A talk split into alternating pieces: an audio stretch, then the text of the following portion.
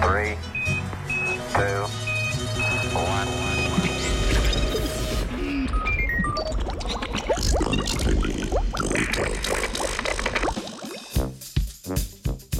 Življenje v najbolj suhi puščavi.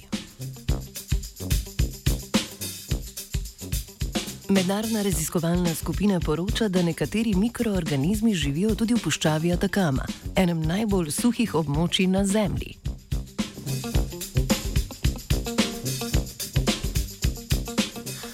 Atakama je puščava v severnem delu Čila in južnem delu Peruja. Poleg tega, da pade malo dežja, je tudi prst puščavi zelo slana. Edina odkrita območja v najbolj suhem delu puščave, ki so kolonizirana z mikroorganizmi, so tista, kjer poteka delikviscenca. To je proces, v katerem snov absorbira vodo iz atmosfere do te mere, da se lahko sama raztopi v absorbirani vodi. Vendar se sledi mikroorganizmov nahajajo tudi pod površjem puščave.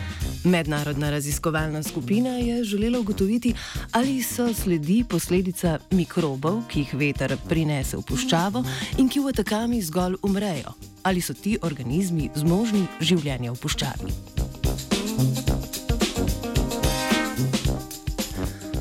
Da bi odgovorili na to vprašanje, so trikrat ozorčili prst na površini in nekaj decimetrov pod površjem na šestih različnih mestih z različno vsebnostjo vlage. Prvič so vzorčili malo zatem, ko je v puščavi deževalo, na to 10 in 22 mesecev po prvem vzorčenju.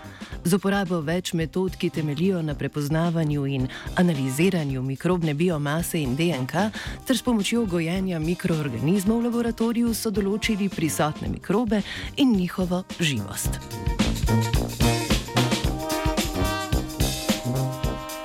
Skladu s pričakovanji so na manj vlažnih predeljih odkrili manj mikroorganizmov, tako glede na celokupno število, kot na število različnih vrst. Na površju puščave so odkrili vrste, za katere vemo, da so odporne proti ultravioličnemu sevanju in izsuševanju. Pod površjem pa so prevladovale halofilne bakterije in arheje. Halofili so tisti organizmi, ki uspevajo v zelo slanem okolju.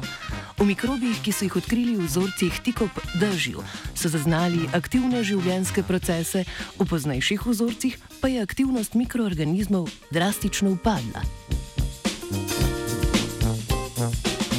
Zaključili so, da so nekateri mikroorganizmi, ki jih veter zanese v puščavo Atakama, nekaj časa aktivni tudi v puščavi. Ostanejo pa v puščavi dalj časa žive, dormantne oblike mikrobov, ki čakajo na redko deževje, da se zbudijo iz mirovanja in rastejo ter se razmnožujejo. Avtori in avtorice raziskave navajajo, da bi lahko bila Atakama model za življenje organizmov na Marsu.